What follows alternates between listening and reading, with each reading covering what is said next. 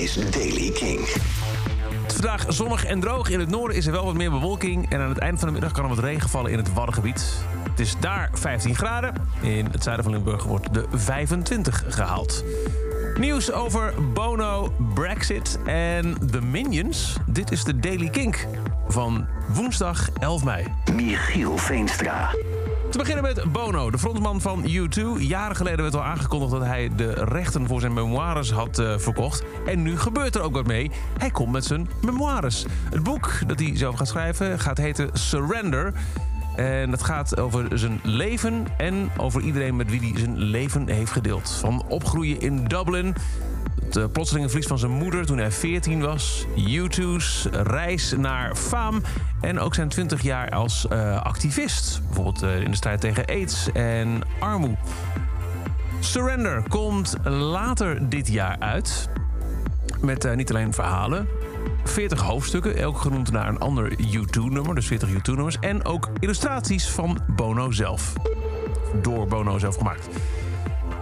Beperkingen die zijn opgelegd aan Britse muzikanten die willen toeren in de EU zijn versoepeld. Brexit-regels zijn iets makkelijker gemaakt. Komt van de transportsecretaris van de Britse regering Grant Shapps. Die heeft een nieuw registratiesysteem aangekondigd dat het voor vervoerders makkelijker maakt om materieel van het Verenigd Koninkrijk naar Europa te verplaatsen. Dat geldt voor chauffeurs die wonen in de UK en die buiten de UK moeten toeren. Tot voor kort mocht onder de Brexit dat met slechts drie stops per tour in de EU. Dat is natuurlijk niet te doen. Daarna moest allemaal papier worden ingevuld. Maar vanaf uh, deze zomer kunnen transporteurs zich vrij bewegen met onbeperkte stops voor maximaal zes maanden per jaar. Gisteren ging het al over een poster met Tame Impala en Diana Ross en heel veel andere artiesten. Nou, we zijn erachter wat het allemaal is hoor. Er komt een nieuwe film van The Minions. Minions The Rise of Gru. En de soundtrack ervan bevat heel veel jaren 70 covers. Want in die tijd speelde de film zich af. Denk bijvoorbeeld aan uh, Phoebe Bridgers, die Goodbye to Love van The Carpenters in 1972 covert. St. Vincent komt met Funky Town van uh, Lips Incorporated. Bleachers van Jack Antonoff, die het album heeft geproduceerd, komt met Instant Karma van John Lennon. En er staat één origineel nieuw nummer op. En dat is dus een samenwerking tussen, jawel, Tame Impala en Diana Ross.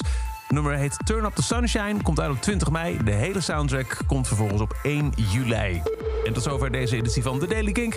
Elke dag in een paar minuten bij met het laatste muzieknieuws en nieuwe releases. Niks missen? Luister dan elke dag via de Kink-app, kink.nl... of waar je ook maar naar podcast luistert. En voor meer muzieknieuws en nieuwe releases... luister je s'avonds om 7 uur naar de Kink-avondshow Kink in Touch.